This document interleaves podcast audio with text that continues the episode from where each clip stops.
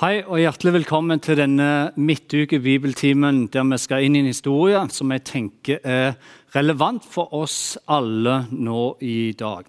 Og Grunnen til at jeg tenker at denne her historien er relevant for oss alle, er fordi vi alle vil i løpet av livet oppleve og erfare stormer som kommer imot oss. Det kan være noe som gir oss bekymring, det kan være noe som gir oss frykt. Det fører med seg redsel og Mange ganger så er det sånn at det er noe som overrasker oss utenfor vår kontroll. Om det er jobbrelatert, eller om det er noe i familien. Om det handler om økonomien eller en relasjon du er i nå i dag.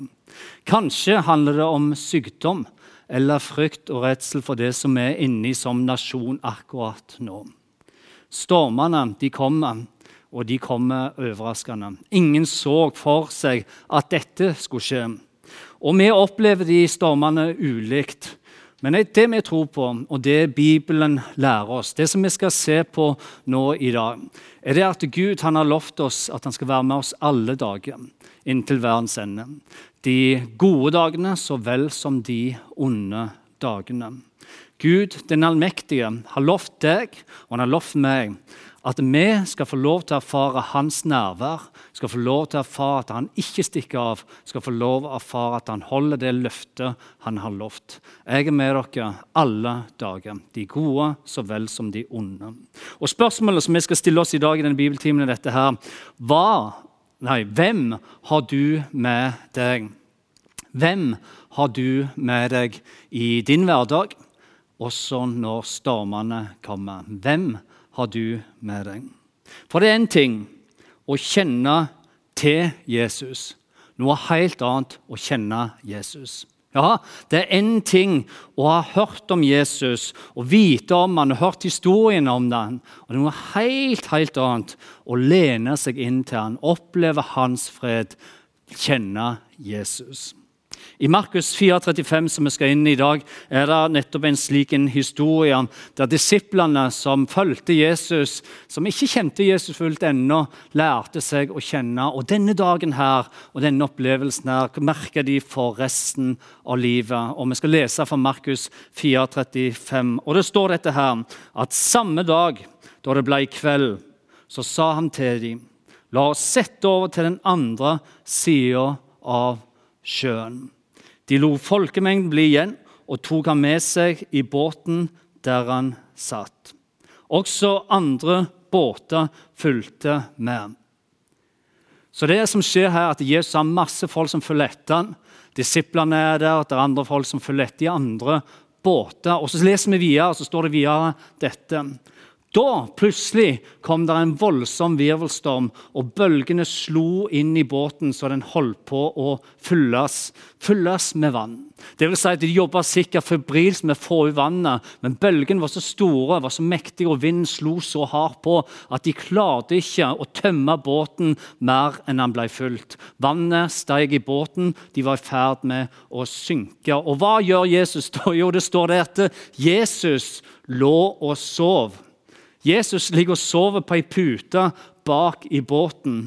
Og vet ikke hva du tenker om det, det som står her, men hadde vi fulgt Jesus, hadde jeg vært en av de som var der den dagen, og du med meg, så hadde vi også sikkert reagert akkurat som disiplene nå reagerer. Det er en storm, og vannet fyller båten. De klarer ikke å lense den godt nok. Og Jesus var jo han. Han ligger og sover midt i stormen, midt i dette som oppleves så forferdelig.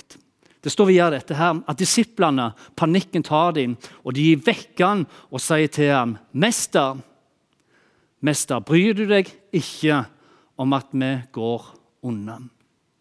Så Denne erfaringen, denne opplevelsen var ikke en opplevelse der vi kanskje Nei, dette her var real life. Dette her var historien som holdt på å gå skikkelig galt. De var i ferd med å gå unna. 'Mester, bryr du deg ikke? Du ligger og sover.'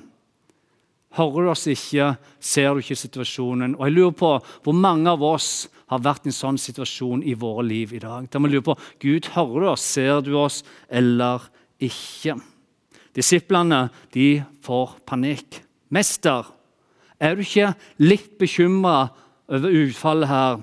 Hvordan kan du sove når vi holder på å drukne? Elsker du oss meste. Men grunnen til Jesus ennå sover, dette er veldig viktig for meg også, var at Jesus visste noe som disiplene ennå ikke visste. Jesus visste at inni denne båten, bare at han var der i denne båten, så var det en person med en overnaturlig kraft. En som var mektigere og sterkere enn noen storm. Det er derfor Jesus sover. Og Det er også det som gjør at vi videre kan lese at det står dette her. Da reiste han seg, Jesus reiste seg i båten. Han trua vinden og sa til sjøen, 'Stille, vær rolig.' Vinden la seg, og det ble blikk stille. Så det som vi ser her, at Jesus reiser seg når disiplene vekker han har full panikk. Han reiser seg, og så stiller han stormen. Og Så står det videre at han snur seg mot disiplene etter bølgene havet. Det ligger helt flatt. Vinden har løyd. Og Så snur han seg, og så sier han til disiplene.: Hvorfor er dere så redde? Og Det er ikke det at jeg ikke forstår redselen deres. Tingen er at Vi forstår jo hvilke krefter det er en slik en storm som dette. Vi kan kjenne på bekymring, vi kan kjenne på frykt og vi kan kjenne på redsel. Men greia dette her, i vår hverdag, i den tida vi lever i, i det vi erfarer og opplever, om det skal være noe med jobben, om det skal være en relasjon, om det var noe med økonomien eller et eller annet i familien, noe med barn eller barnebarn Vi kan kjenne på redselen, men forstår vi hvem vi har i Jesus? Forstår vi hvem som er i bord i vår livsbåt?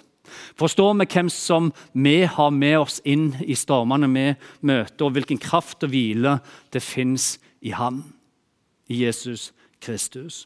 For om disiplene var livredde og frykta stormen og bølgene før, om de var livredde for at båten skulle unna vannet og bare fulgte sporene, om de var livredde og frykta dette før, så flytta nå frykten seg fra frykt av å gå ned med båten over til å bli ærefrykt for Jesus. Når de så at han reiste seg opp og stilna stormen med sine ord, så flytta all bekymring seg fra det som hadde vært, og over til ærefrykt for Jesus. Ærefrykt som handler om en dyp, ærbødig respekt en fryktblanda beundring. En bøyer seg ned i ærefrykt for ham. For det som står videre nå, at Når disiplene så hva Jesus gjorde med stormen, så står det videre dette her, så ble de grepet av stor frykt. Når vi snakker om ærefrykt her. Ikke den frykt og redselen som de hadde for stormen, men for ærefrykt. For hvem er du, liksom? Og så sier de til hverandre, hvem er han? Hvem er han? som både vind og sjø adlyder. Sjøen og vinden adlyder han. Og hvem er denne mannen? For dette her hadde de aldri sett før. Jo, kreftene i en storm forsto de, men at en mann kunne reise seg opp og med noen få ord legge stormen ned, det hadde de aldri før sett. Og Der stormen før fulgte de med frykt og bekymring og redsel. Der fulgte nå Jesus de med ærefrykt. Wow! Hvem er han? Vi har hørt om han, vi har fulgt ham, vi har blitt litt kjent med han, men dette her har vi aldri sett før. Wow! Hvem er Jesus? Og Det kalles for ærefrykt. Og det er ikke det at De ikke kjente ham, for de visste jo om ham. De visste at Jesus var god, de hadde sett hva han gjorde mot andre mennesker. De visste at Jesus han kom med nåde, at han var tilgivende. De visste at Jesus ønsket å lære dem. De hadde hørt om tilgivelse, de hadde hørt om frelsen, de hadde hørt om nåden. Og de hadde hørt om den freden som overgår all forstand. De hadde hørt om det, men faktum er at i grunnen så visste de ikke hvem de hadde med i sin båt denne natta når det storma rundt dem som verst. I Bibelen av Feserbrev 1 så står dette Hvor overveldende hører godt etter? hvor overveldende hans kraft er hos hvem? Jo, hos de som tror. Hvor overveldende hans kraft er hos oss som tror. Med denne veldige makt og styrke reiste han Kristus opp fra de døde og satte ham ved sin høyre hånd i himmelen. Med andre Denne kraften som reiste Jesus Kristus fra de døde, den samme kraften som stoppet den vinden og stoppet bølgene herrende herrene natta ute på sjøen der, den samme kraften og overveldende makta er hos hver eneste en som tror på Jesus Kristus. Men hva betyr i? Jo, det betyr igjen at du og meg ikke bare invitert fra mørket over til lyset med Jesus. Vi er ikke bare invitert med en billett til himmelen så vi kan ligge i baklommen og leve resten av livet her, og så skal vi liksom innkasse den billetten. Nei, vi er ikke bare invitert til å være tilskuere, men vi er invitert til å leve dette livet her som etterfølger Jesus i hans makt, i hans kraft. Vi har fått en gave som skal brukes mens vi er her på jorda. En overveldende kraft. Den samme makt og styrke som reiste Jesus Kristus opp ifra de døde. Den er lagt ned i hvert eneste menneske som tror på Jesus Kristus. Spørsmål. Hvem har du med i din livsbåt? Du ser det, at Problemet til disiplene var ikke at Jesus ikke var der, for Jesus var der selv om han lå og sov. Problemet var at disiplene ikke visste hvem Jesus virkelig var. Og Det er her jeg i dag sier dette her, at det hjelper ikke om det står 366 ganger i Bibelen. For det gjør det. Det står 366 ganger i Bibelen at du ikke skal være redd. Du frykter ikke. Det hjelper ikke at det står der 366 ganger uten at du har erfart og kjent at dette det er virkelig sant av Jesus. Han har en fred som overgår all forstand. Om du ikke lærer deg å sette av tid sammen med han som kommer med den freden, så hjelper det ikke om det står der 366 ganger. Om du ikke lærer deg å bli kjent med han, finne tillit til han, så hjelper det deg ingenting om det står i Bibelen. Fordi det er en ting å ha hørt om Jesus. Det er en ting å ha liksom, vite noe om han, hørt historien. Det er noe helt annet å kjenne Jesus. For er det ikke sånn med oss alle, da, at graden av kjennskap Graden av hvor mye du faktisk kjenner en person, eller blir kjent med en person, hvor kjent en blir med det, hvilke bilder, hvilken oppfattelse, hvilken relasjon Graden av den kjennskapen du har til den personen, leder til hvilken tillit du har til den personen. Er det ikke sånn det er? Enten så får du større tillit eller får du mindre tillit til å bære kjent du blir med en person. Og Når du blir kjent med Jesus, så øker denne tilliten. Det er sånn det er. Hvor godt du kjenner en person, leder automatisk til hvilken tillit du har til denne personen. For hvis du ikke kjenner en person godt, så får du ikke 100% tillit til denne personen. Så det handler om kjennskapen før du får tillit. Graden av kjennskap leder til graden av tillit. Og Det her det virkelig begynner å bli spennende, dere, fordi graden av kjennskap som fører til tilliten, leder igjen av graden som fører til forpliktelse eller overgivelse. En vil ikke forplikte seg. En vil ikke overgi seg til noen uten at en har tillit til dem. Det er sånn vi er bygd som mennesker. Det er kjennskap fører til tillit, fører igjen til overgivelsen. Og en forplikter seg ikke til noen som en ikke har lært seg å stole på. Jo, det er sant. Jeg har tillit til deg. Det er også derfor jeg ville forplikte meg og overgi meg til deg.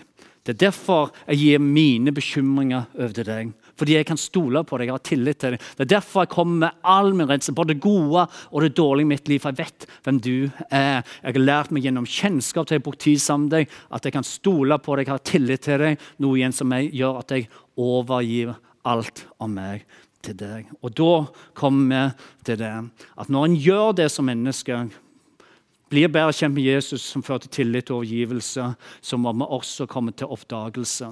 Og Det handler om åpenbaringer. Bibelen skriver om dette. Hvilke åpenbaringer at vi skal få åpenbaringer med han og sammen med han. Det er dette disiplene får denne natta ute på når de sier Wow! Hvem er han? Det er denne oppdagelsen. Det er mer med Jesus enn jeg trodde. Jeg hadde lært meg litt å kjenne, men nå får jeg en oppdagelse, en forbaring, som gjør jeg får større kjennskap til han, får større tillit til han, får større overgivelse fordi jeg vet hvem han er. Igjen som fører til en større oppdagelse, eller som Bibelen sier, åpenbaring. Thomas Sjødin skriver i boka si 'Det er mye vi ikke må'. Så skriver han dette. Indre stress. Dette her handler om tida vi lever i. Indre stress, tvangen til stadig utvikling, er det åndelige livets fiende. Troen var den. Troen er en kjærlighet, og kjærligheten kan aldri piskes fram. Derimot så er det sånn at vi beveger oss uten at noen gang trenger å be oss om den. Kjærligheten har dette her i seg. At vi lengter, at vi ønsker å være der. Det er derfor vi beveger oss uten at noen gang trenger å be oss om det, i retning av den vi kjenner oss hva? Jo, elska av. Elska av. Kjennskap til Jesus gjør dette med oss. Det gjør noe med at vi ønsker å bevege oss mer i retning av Han. Kjennskap fører til den tilliten som igjen gjør at vi kan kjenne oss Ja, det er sant. Det er virkelig det som fører til overgivelsen. Jeg ønsker å gi meg mer til deg, og det er det som gjør jeg får en større oppdagelse om hvem Jesus er. Du ser det. Spørsmålet vi stiller i dag, hvem har du med deg i din båt? Kjenner du Jesus? Har du gitt ditt liv til han? Er det sånn at du lever i en relasjon der du oppdager at pga. din overgivelse så fører til større oppdagelse? Beveger du, beveger med oss nærmere Han? Slik Gud ser det, så er ikke vi summen av våre nederlag. Nei, i det hele tatt. Vi er ikke summen av det vår feil og mangler. Vi er ikke summen av vår tilkommenkorthet i det hele tatt. Nei, slik Gud ser det, så er det du er min sønn, og du er min datter. Og Det var dette disiplene fikk erfare den kvelden på Genesasjøen. En kjærlighet som ikke kan tvinges fram. En kjærlighet som ikke sover seg bort, som ikke stikker av, men som er der av at han er til stede. Jesus er til stede. Det er Guds kjærlighet. Salme 121, 1-5 viser oss sannheten, som er vel verdt å huske på for det å aldri glemme for oss. For Det står dette her at jeg løfter mine øyne mot fjellene. Hvor skal min hjelp komme fra? Dette her handler om redsel, handler om frykt, handler om bekymring. Og jeg løfter mine øyne. Hvor skal min hjelp komme fra i min situasjon, i den stormen jeg står i? Min hjelp, jo, den kommer fra Herren. Og hvem er han? Jo, for han er himmelen, og han er jordens skaper. Han vil ikke la din fot vakle. Nei, din vokter vil ikke blunde. Se, han blunder ikke, og han sover ikke. Israels vokter. Herren er din vokter. Ja, Herren er din skygge. Og hvor er han? Jo, han er ved din høyre hånd. Han er i din båt. Han er himmelens og jordens skaper. Han er den som sa, og det blei slik. Han var den som med noen ord la stormen ned. Han sov ikke. Han har ikke glemt deg.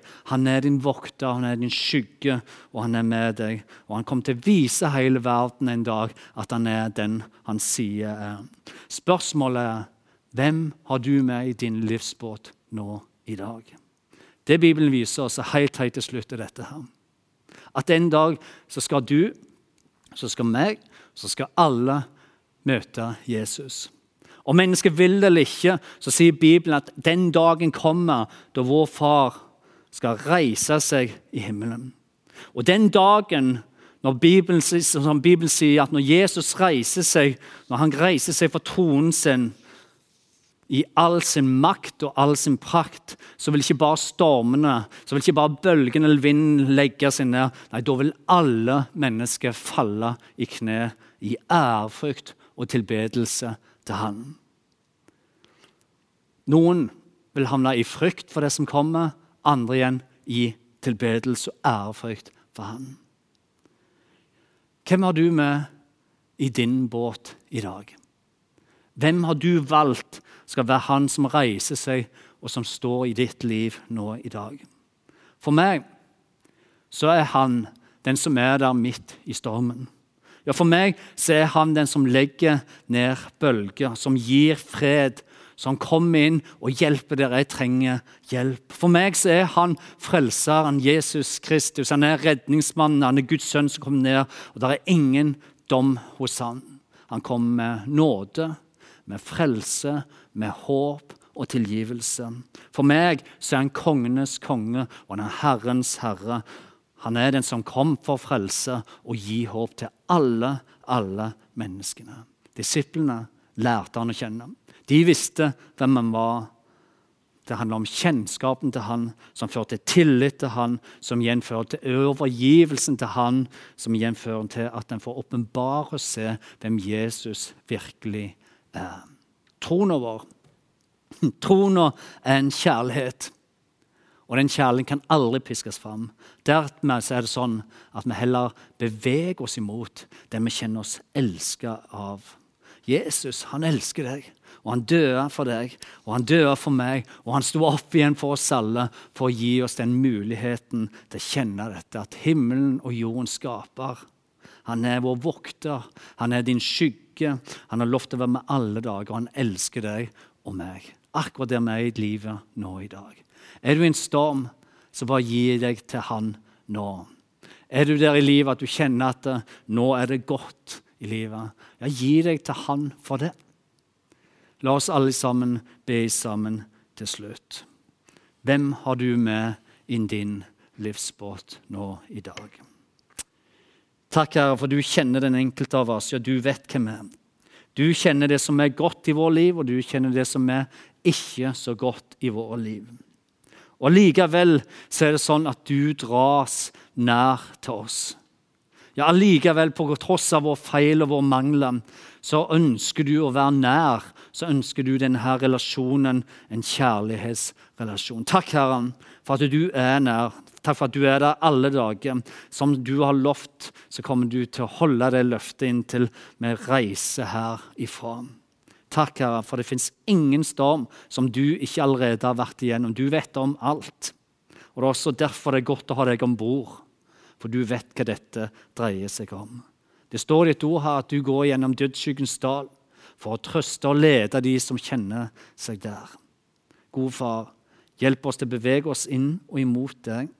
Du er kjærlighetens far. I Jesu Kristi navn så bare takker vi deg, gode himmelske Far. Amen.